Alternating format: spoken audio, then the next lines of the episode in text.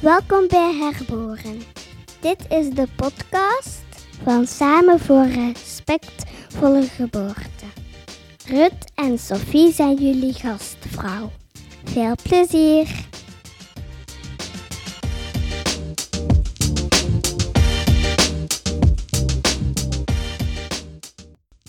Welkom bij deze aflevering van Herboren, de podcast van Samen voor Respectvolle Geboorte. Ik ben Sophie, vroedvrouw en medeoprichter. En ik ben Rut, ook vroedvrouw en medeoprichter. Vandaag hebben we Eva Bruneel bij ons, ook medeoprichter, maar niet van Samen voor Respectvolle Geboorte, maar van Birth Matters. En ze stelt zich graag ook even zelf voor. Hallo, ik ben dus Eva. Uh, ik ben um, getrouwd met Stijn en ik ben mama van Marta, Moon en Julia. Um, en ik ben zelfstandig vroedvrouw. En nu een uh, negental jaar, denk ik, in het Gentse en uh, bij Praktijk Geboren in Gent. Um, waar ik nu vooral samen met nog enkele collega's de coördinatie van de praktijk uh, op mij neem. De titel van onze podcast is Herboren. En we willen ook graag weten van u of dat er een bepaald moment was uh, waarop dat jij het gevoel had dat je herboren zijt, in die zin dat je op een andere manier zijt beginnen kijken naar uh, de geboortezorg, maar ook je eigen rol daarin. Is er zo'n moment geweest voor u? Ja, zeker. Ik heb daar, um, ik heb daar eens over nagedacht. Want jullie hadden die vraag voorhand gesteld, dus ik dacht, ik ga daar een keer goed over nadenken. En ik heb eigenlijk um, drie momenten gevonden. Om al direct een beetje te overdrijven. Nee, nee prima. ben benieuwd. Um, ja, ik ben um, destijds aan de opleiding gestart met het idee van ik ga vroedvrouw worden. Een vroedvrouw is iemand die in een ziekenhuis werkt en um, daar kindjes mee ter wereld helpt uh, komen. En um, ik ben dan uh, bevriend geraakt met een, een, een Nederlandse ja, medestudente die tien jaar ouder was op het moment, of is, maar toen ook op het moment dat ze startte met de opleiding. Zij had ook al twee uh, kindjes. Um, kwam van Nederland, dus uh, had daar ook twee keer wel met verloskundigen um, samen, uh, of ja, haar, haar laten begeleiden door verloskundigen en ook één keer thuis bevallen. Dus zij heeft toen zo wel een beetje het zaadje geplant van, ah, een vroedvrouw hoeft niet per se in het ziekenhuis te werken, kan ook thuis werken. En dan ja, is zo in de opleiding heb ik dat, eigenlijk dat vooral meer laten ontplooien, of, of was dat toch wel echt wel een beetje mijn, mijn interesseveld geworden. En dan in het derde jaar um, had ik het geluk om heel last minute, ik weet dat nog, dat was een, een, een opleiding of een studiedag die heel last minute georganiseerd werd met Aina May Gasken. Die was in België. Wow. Uh, die was ja, die logeerde bij Lieve Huibrecht. en, uh, ja, en dat was dan, ja, um, uh, May gaat een dag, um, een, een, ja, gewoon een studiedag geven. Die gaat een dag praten. Ja, wij daar naartoe natuurlijk. Uh, ik denk met een stuk of vier studenten um, daar naartoe. En ik, ja, ik hing aan haar lippen van de eerste woord dat ze zei tot het laatste. Ik was volledig doordrongen van wat ze zei. Die heeft mij zo geïnspireerd. Dat is eigenlijk echt wel het moment dat ik mij zo ja, als eerste lijns vroedvrouw voelde geboren worden. Misschien moeten we nog even zeggen, voor wie dat Aina May niet kent, zij is een, uh, een, ja, de bekendste vroedvrouw in de wereld, wordt zij soms genoemd. Zij is uh, uit Amerika en zij is daar sinds de jaren zeventig of zo, denk ik, actief. En eerst zo in een commune, in commune hippies, zo allemaal de bevallingen beginnen begeleiden, in samenwerking met de huisartsen en de dokters van toen. En zij is zo, ja, heeft zij enorm veel ervaring opgedaan. En nu heeft zij boeken en, en kunt je naar haar luisteren. En het is een heel interessante madame. Klopt, ja. Echt een beetje de goeroe, hè. dat is echt... Uh, ja, ja dat was, dat was heel bijzonder. Uh, ik weet nog dat wij toen naar huis reden. En dat ik echt voelde van, oké, okay, er zijn, waren allemaal zelfstandige vroedvrouwen bijna die aanwezig waren op die studiedag. En die doen allemaal zo mooi werk, maar zo onder hun eigen kerktoren. En ja, ik, ja als zo'n beetje de naïviteit misschien van student. Zo, uh, van, ja, ik wil dat groter aanpakken. Ik wil dat, uh, we zitten weer allemaal zo op onszelf te ploeteren. Hè, dat moet toch meer veranderen. Oké, ja. Uh, dat is denk ik ook zo'n beetje het, mijn, mijn eerste vuur dat daar zo wat begonnen is. Um, ja, ik denk dat dat echt wel het moment is dat ik mij als student echt wel voelde ja, voelde ontwikkelen en, en mijn zelfstandige vroedvrouwpassie geboren worden. Zo. En gewoon direct al die zelfstandige vroedvrouwen bij elkaar krijgen en laten samenwerken. En... Dat is echt, dat, dat, is daar, ik kan me dat nog zo goed herinneren, dat ik dat, ik heb dat ook uitgesproken van, maar lieve, we moeten dat toch groter zien. En oké, we zijn uiteindelijk als studenten allemaal een beetje onze eigen weg gegaan. Die vriendin, die Nederlandse vriendin, werkt ook effectief in Nederland terug. Dus um, zo'n beetje verspreid, maar toch, ja, misschien is dat ooit wel het begin geweest van, uh, van mijn Bird Matters liefde, ik weet het niet. Um, ja, en dan nadien ben ik naar, na mijn studies ben ik in Londen gaan werken. Ik heb daar um, anderhalf jaar als voetvrouw gewerkt. Ja, daar, daar is het helemaal op zijn plaats gevallen. Um, in die zin, ja, ik kwam daartoe, dus het was heel spannend, hè, want ik, moest, ik kreeg heel veel verantwoordelijkheid. Ik mocht daar autonoom geboortes begeleiden, um, wat ik eigenlijk nog nooit had gedaan. Ik was daar zo gezegd voor opgeleid in België, maar eigenlijk ook niet echt. um, dus, dus ik voelde mij in het begin um, soms zelfs een beetje naar mijn lot overgelaten, terwijl dat, dat helemaal niet zo was. Ik was goed omringd, maar dat voelde wel heel spannend. Ik moest daar gewoon alles zelf doen. Maar ik heb daar zoveel geleerd en op een duur voelde ik me daar ja, echt als een vis in het water. En toen klopte het helemaal van ja, dit is wat ik wil doen. Dus ja, ik denk dat dat een beetje mijn tweede moment was. Dat ik echt voelde van ja, voilà, ik ben op mijn plaats, dit is het. Maar ik, heb nooit, ik ben nooit naar Engeland verhuisd met de ambitie om daar te blijven wonen of om daar een gezin te starten. Of, uh, dus ik wou eigenlijk altijd wel terugkeren met de ervaring en dus met mijn bagage vandaar. Dus ik heb dat dan ook gedaan na anderhalf jaar. En dan heb ik hier in het Gentse ja, heb ik een praktijk mee opgericht met een andere collega. Dat was toen Gent bevalt en dan vijf jaar later um, een fusie tot geboren in Gent. En als ik dan daaraan denk, ja, dat was eigenlijk een beetje een verderzetting van wat ik deed in Londen, maar dan gewoon echt in de thuiszetting. Dus dat, dat bleef gewoon een beetje kloppen eigenlijk. Maar dan ben ik moeder geworden in 2000, um, wow, goed denken, 2013 uh, ben ik voor het eerst, um, uh, ja, heb ik uh, onze oudste dochter gekregen. En als ik nadien terug aan het werk ging, dan klopte het helemaal. Dan was mijn vuur, dat was geen vlammetje meer, dat was gewoon echt dat, dat, was, dat was een vulkaan, dat is niet normaal. Hoe dat ik dan als leeuwin voor, voor mijn moeders ging strijden nadien, dat was, dan voel ik mij helemaal herboren als vroedvrouw. Dat is heel bijzonder om te ervaren. Um, dat mijn zorg op zich niet veranderd is, maar wel die passie is gewoon, ja, was vertienvoudigd. Gewoon als, ja, heel bijzonder. Ja, mooi. Maar ik voel het tot hier. Ja, ja. Ja, inderdaad. Helemaal. maar weet je wat me opvalt, Eva? Dat je eigenlijk al heel vroeg wist hoe en wat. En dat die drie momenten heel veel linken hebben met elkaar. Ja, zeker. Dat u, het is zo ergens gestart als een klein vlammetje en dan is dat nog gegroeid en nog gegroeid. En ja, dan ben ja. ik wel heel benieuwd hoe dat, dat dan nog verder gaat gaan. Ook wel, want er gaat nog wel eens een moment komen dat dat misschien nog groter wordt. Ja, ik denk nu... Ik, zit, ik, ik voor mezelf wel een beetje in zo'n kantelmoment, omdat ik nu heel veel coördinatie doe in de praktijk, wat ik heel fijn vind, omdat dat voor mij ook wel echt past in het groter plaatje. En net omdat ik die job doe, heb ik ook wel echt de ruimte en de tijd om met Bird Matters, um, om, om daar ruimte voor te hebben in mijn hoofd. Van zelfstandig voetvrouw zijn en autonoom geboortes begeleiden is eigenlijk wel heel intensief. En dan moet je echt wel keuzes maken om, om goed voor jezelf te zorgen. Kan je niet alles doen, want er zijn zoveel vroedvrouwen die afstevenen op een burn-out in, in, in, dat, ja, in, in, dit beroep.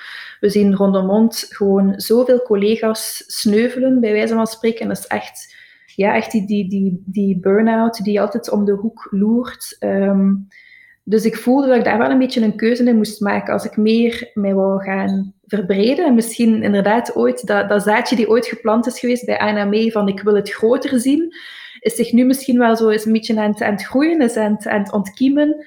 Um, en daar moet ik een beetje keuzes in maken. Ik kan niet uh, voltijds als, als vroedvrouw in de, in de zorg staan en daarnaast nog die ruimte hebben om, om na te denken over andere projecten.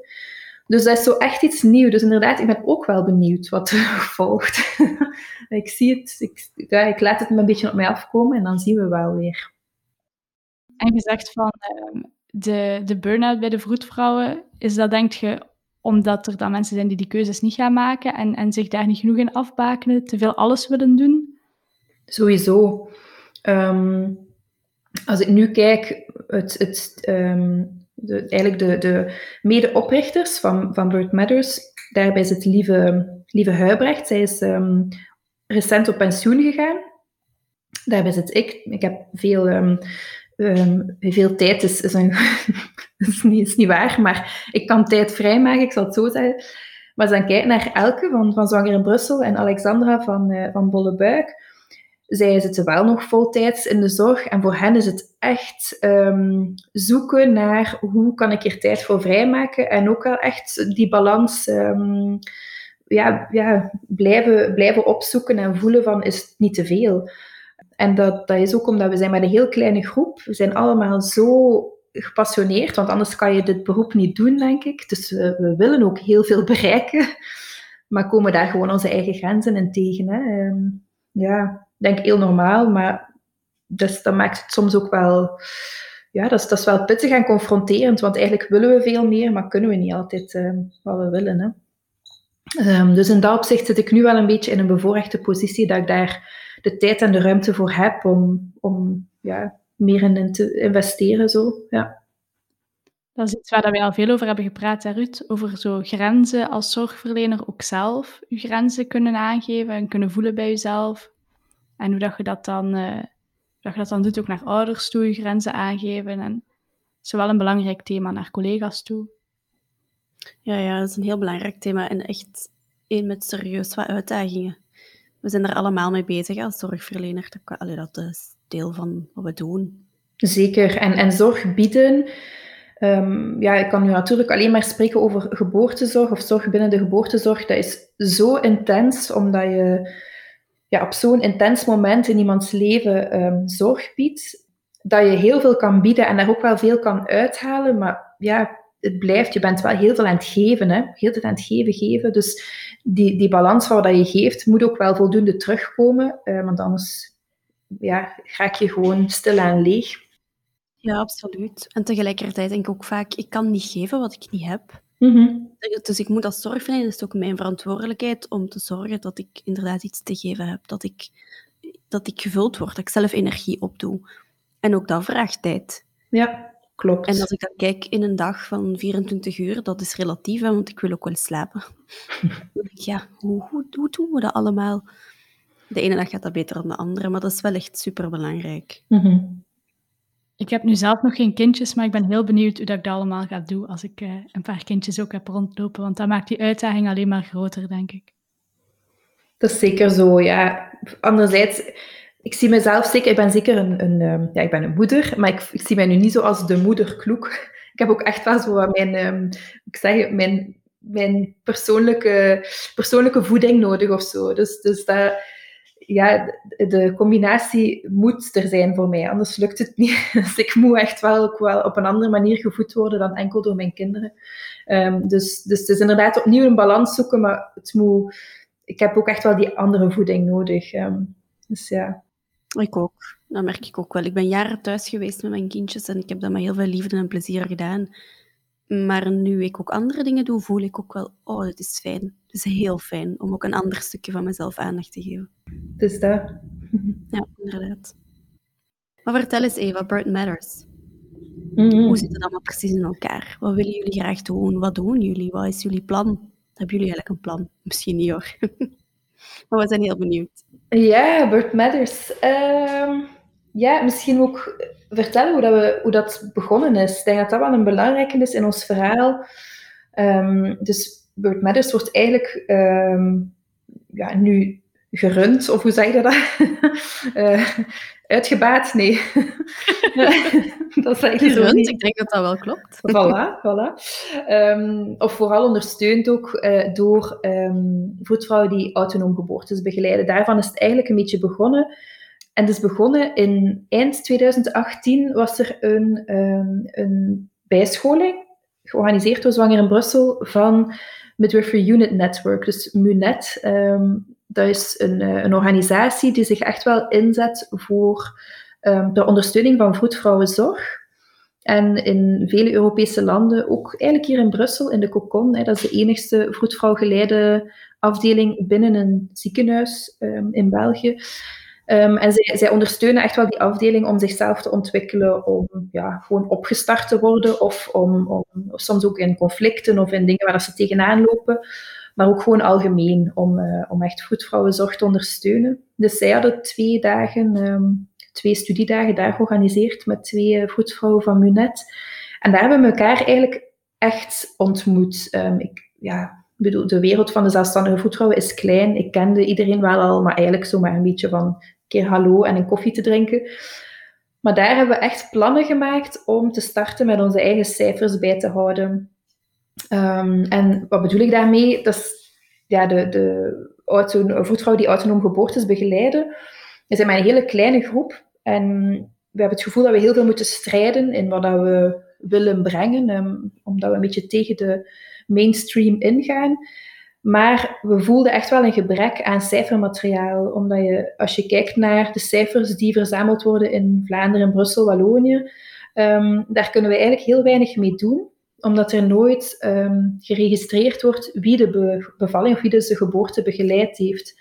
Je kan wel registreren, is de baby thuisgeboren of in het ziekenhuis, en dan kan je ervan uitgaan, thuis zal veelal door een voetvrouw uh, de begeleiding gebeurd zijn.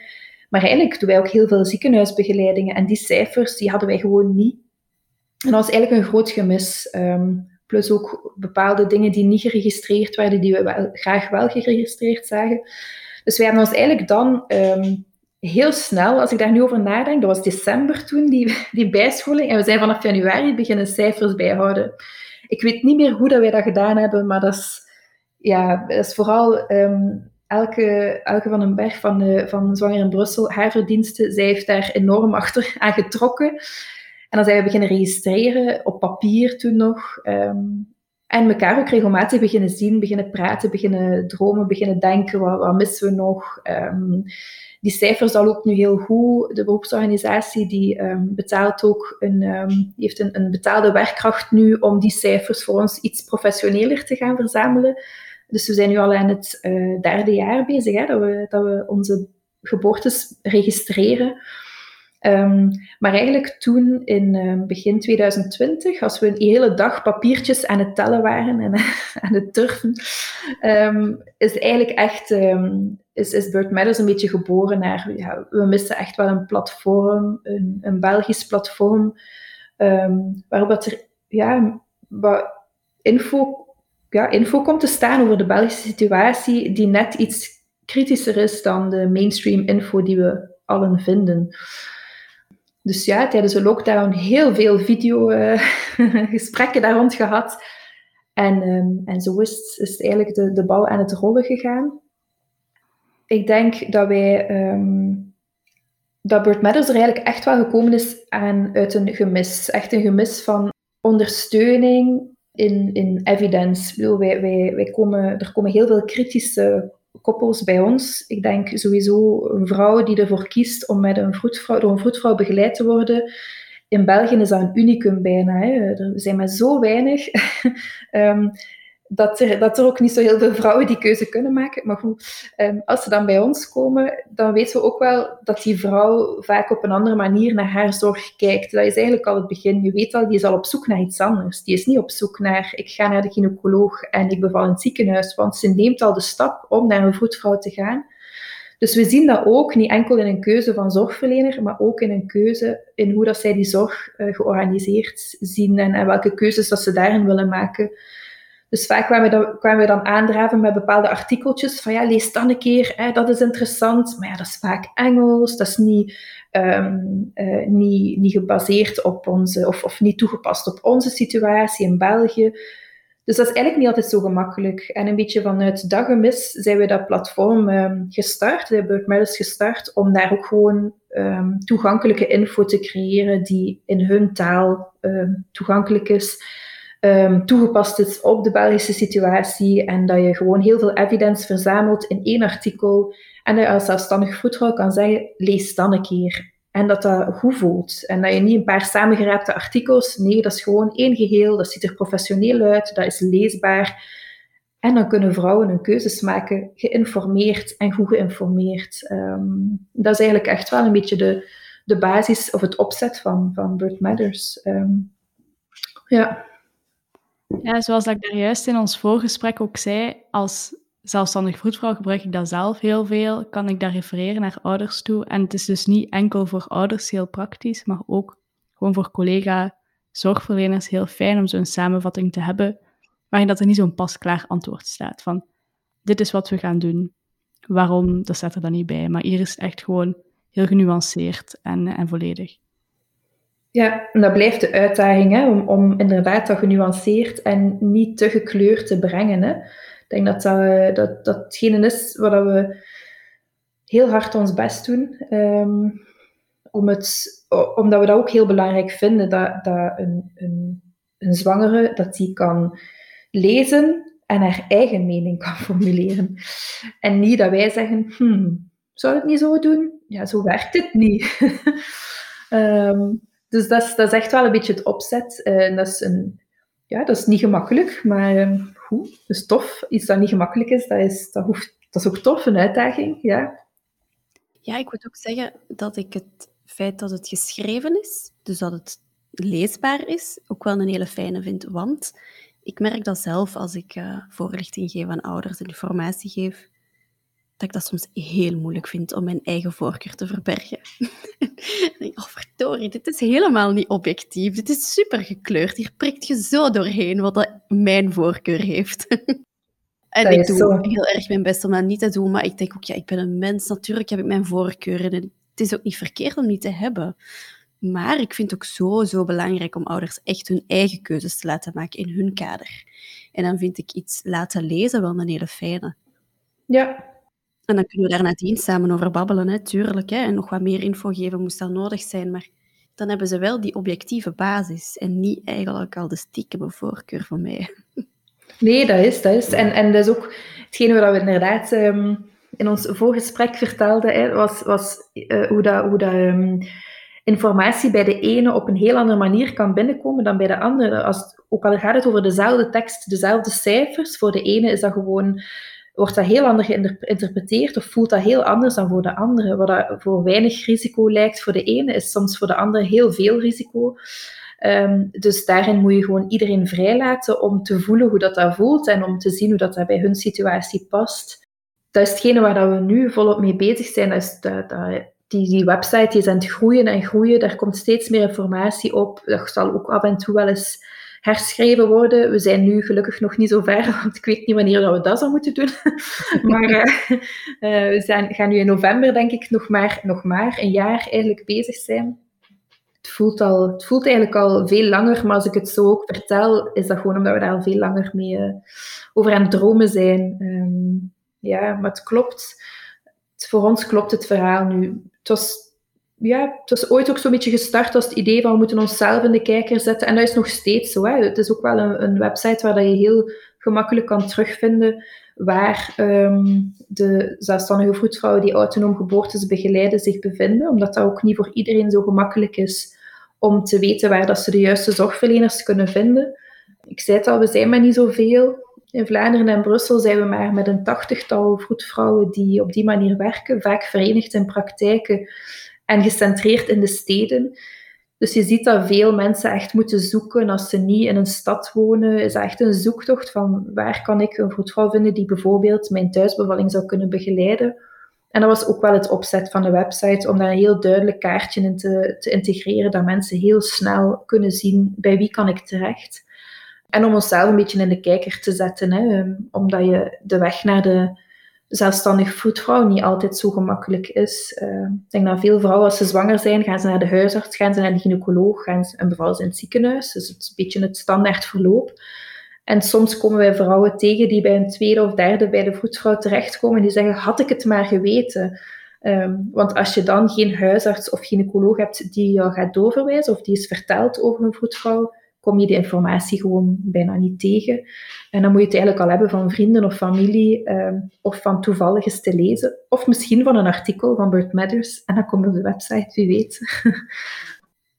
dus ja, dat is een beetje het opzet van onze website. Ja.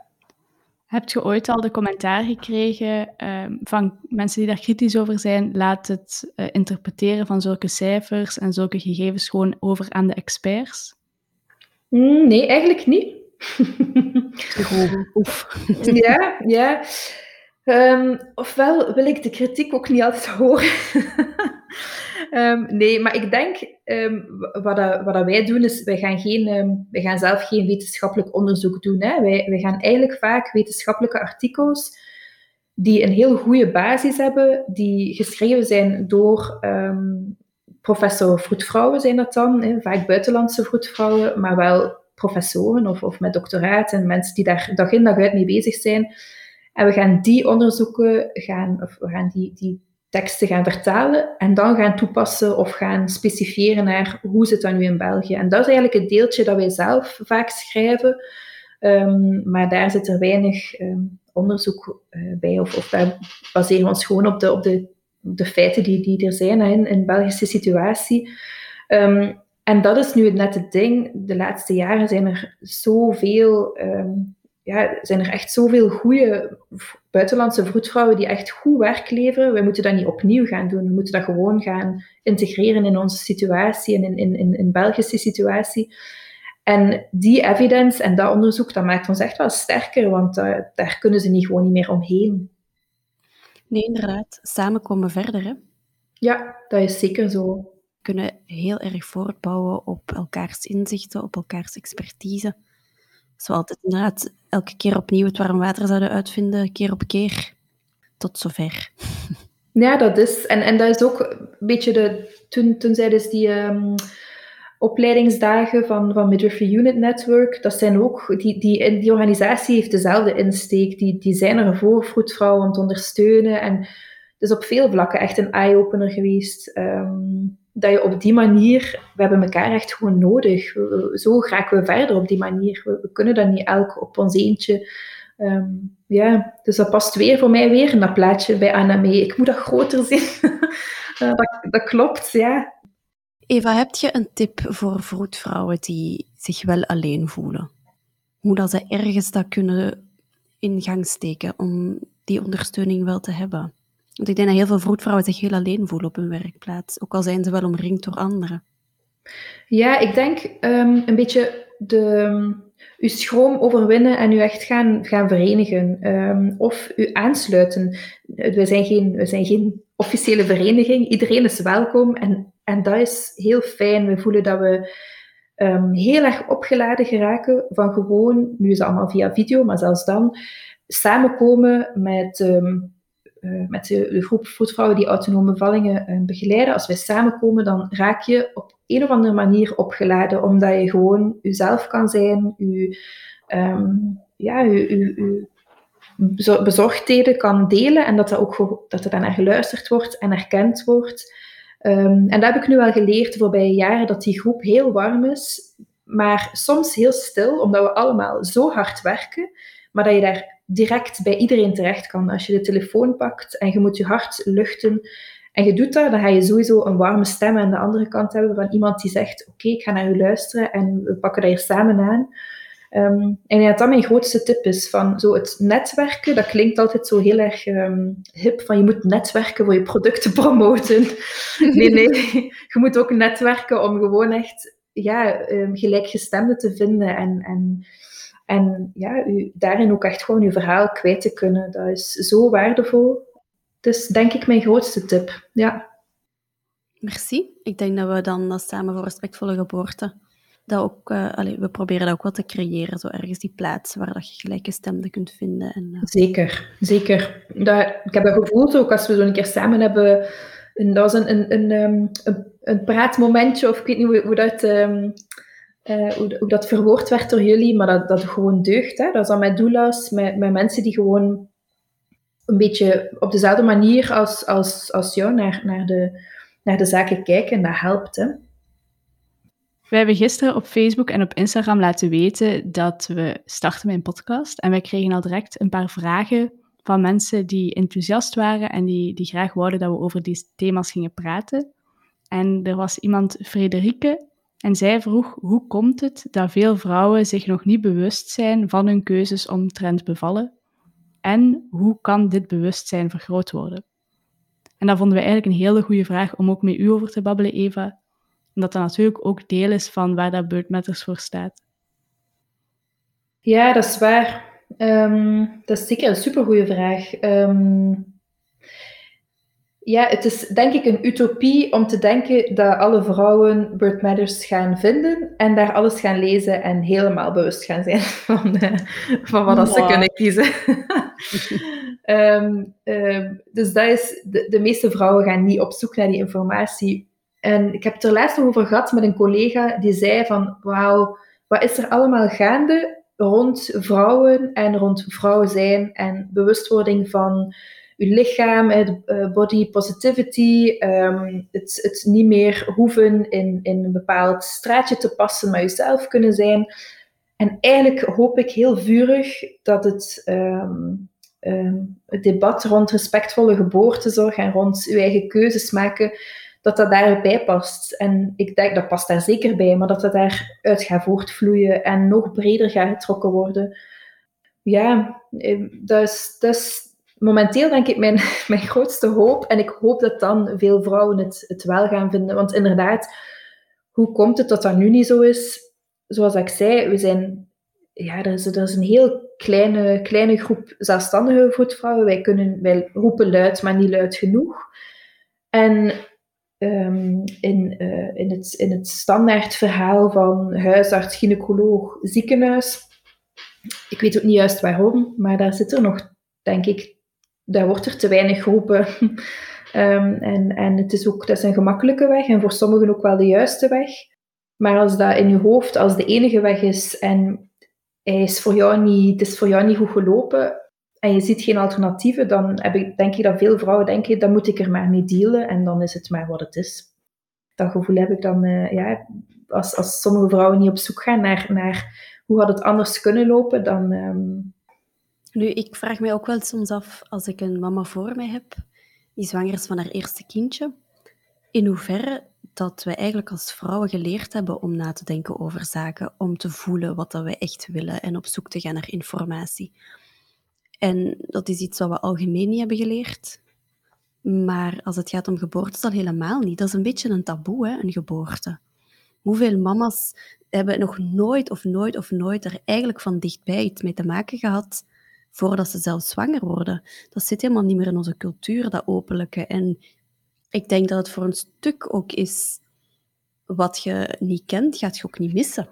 Als je niet weet dat er opties zijn, weet je ook niet dat je die vraag kunt stellen. En dat wordt dan nog eens heel erg versterkt door we hebben niet geleerd om die vragen te stellen. We hebben niet geleerd om voor onszelf op te komen.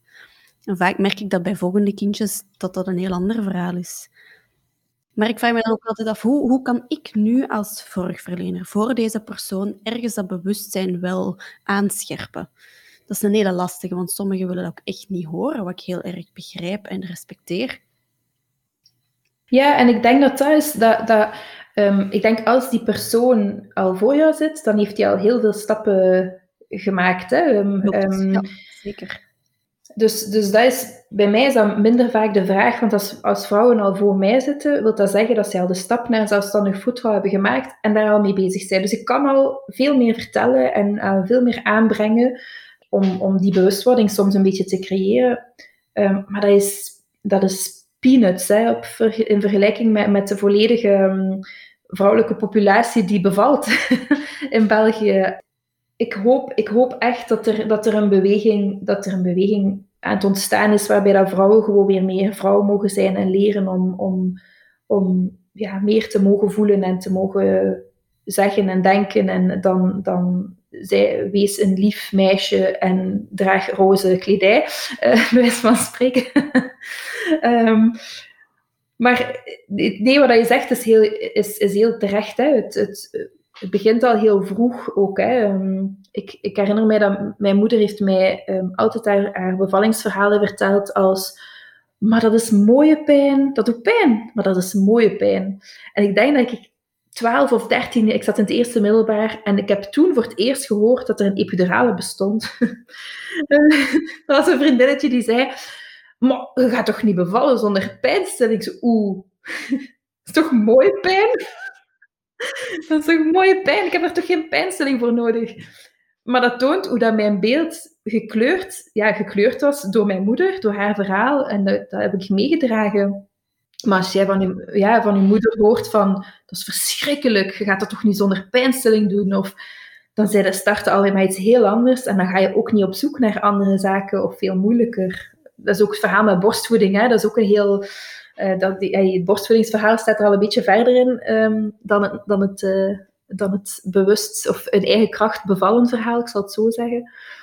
Maar uh, ja, dat is, dat, daar begint er al heel veel. Hè?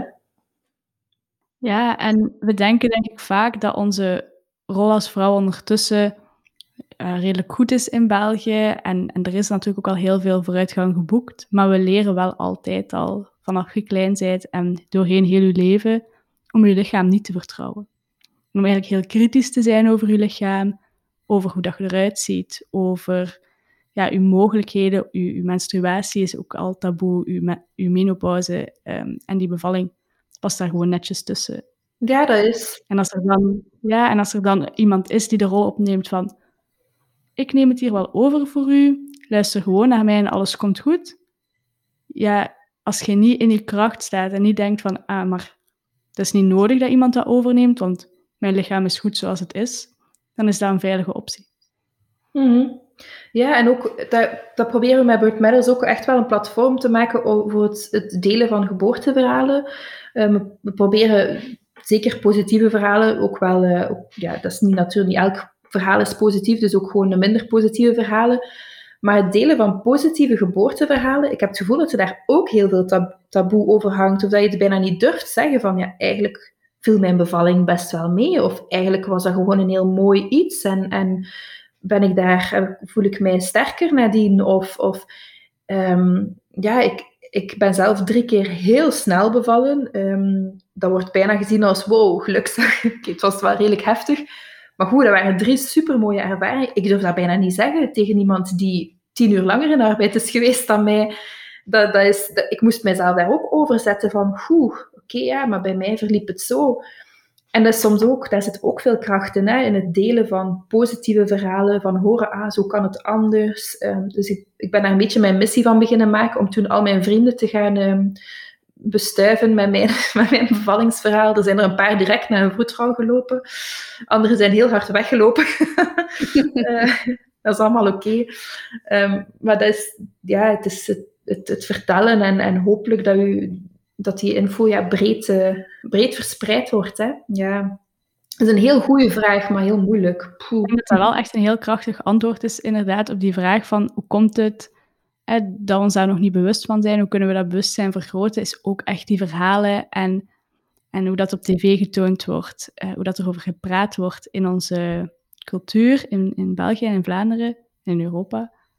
En als je kijkt naar die, die verhalen, ik herken super hard wat je zegt, Eva, want ik hoor dat ook vaak mensen zeggen die een positieve ervaring hebben gehad van, oh, ik durf dat niet te vertellen, want ik wil niet stoeven of ik wil niet, uh, ik wil niet arrogant overkomen, terwijl dat er ook zo'n hele rare cultuur is bij ons van als je het allerhorrorste verhaal ooit hebt gehad, deel het vooral met iedereen die zwanger is. Ja, dat is waar. Dat is heel bijzonder, hè? Dan denk ik echt, kom aan.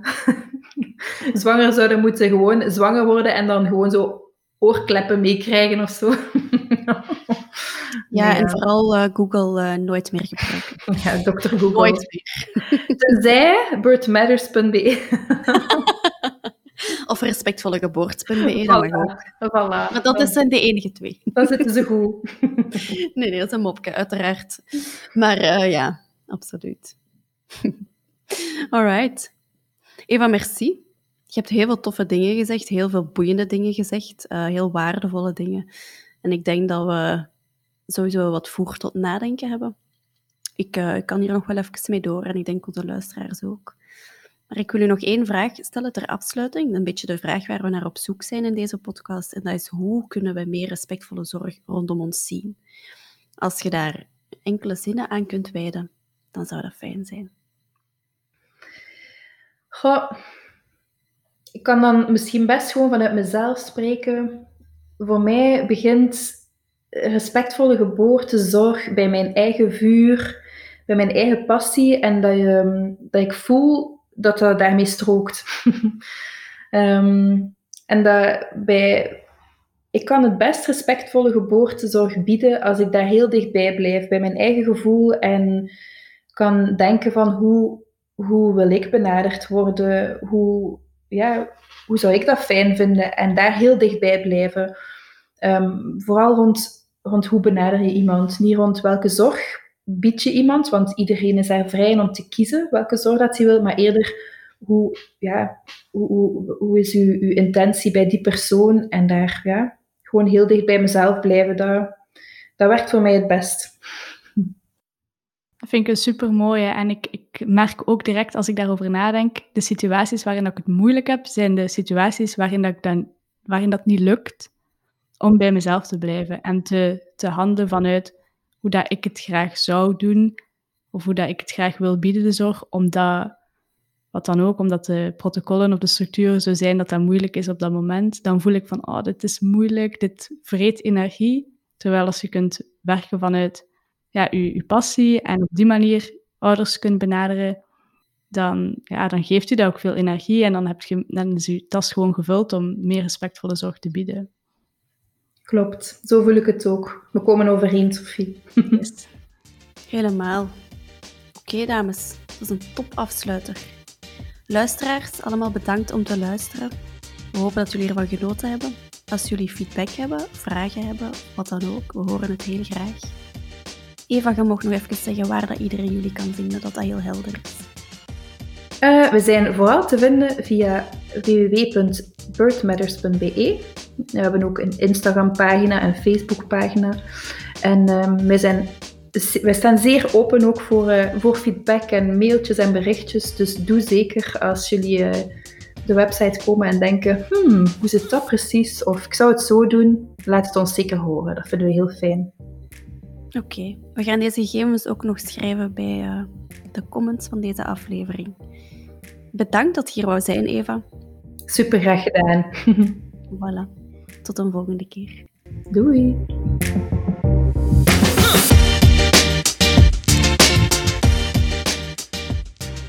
Bedankt om te luisteren. Je kan ons terugvinden op respectvollegeboorte.be of je kan kijken op Facebook of op Instagram. Je kan ons ook een mailtje sturen. Dat kan op samen at respectvollegeboorte.be. Tot de volgende keer!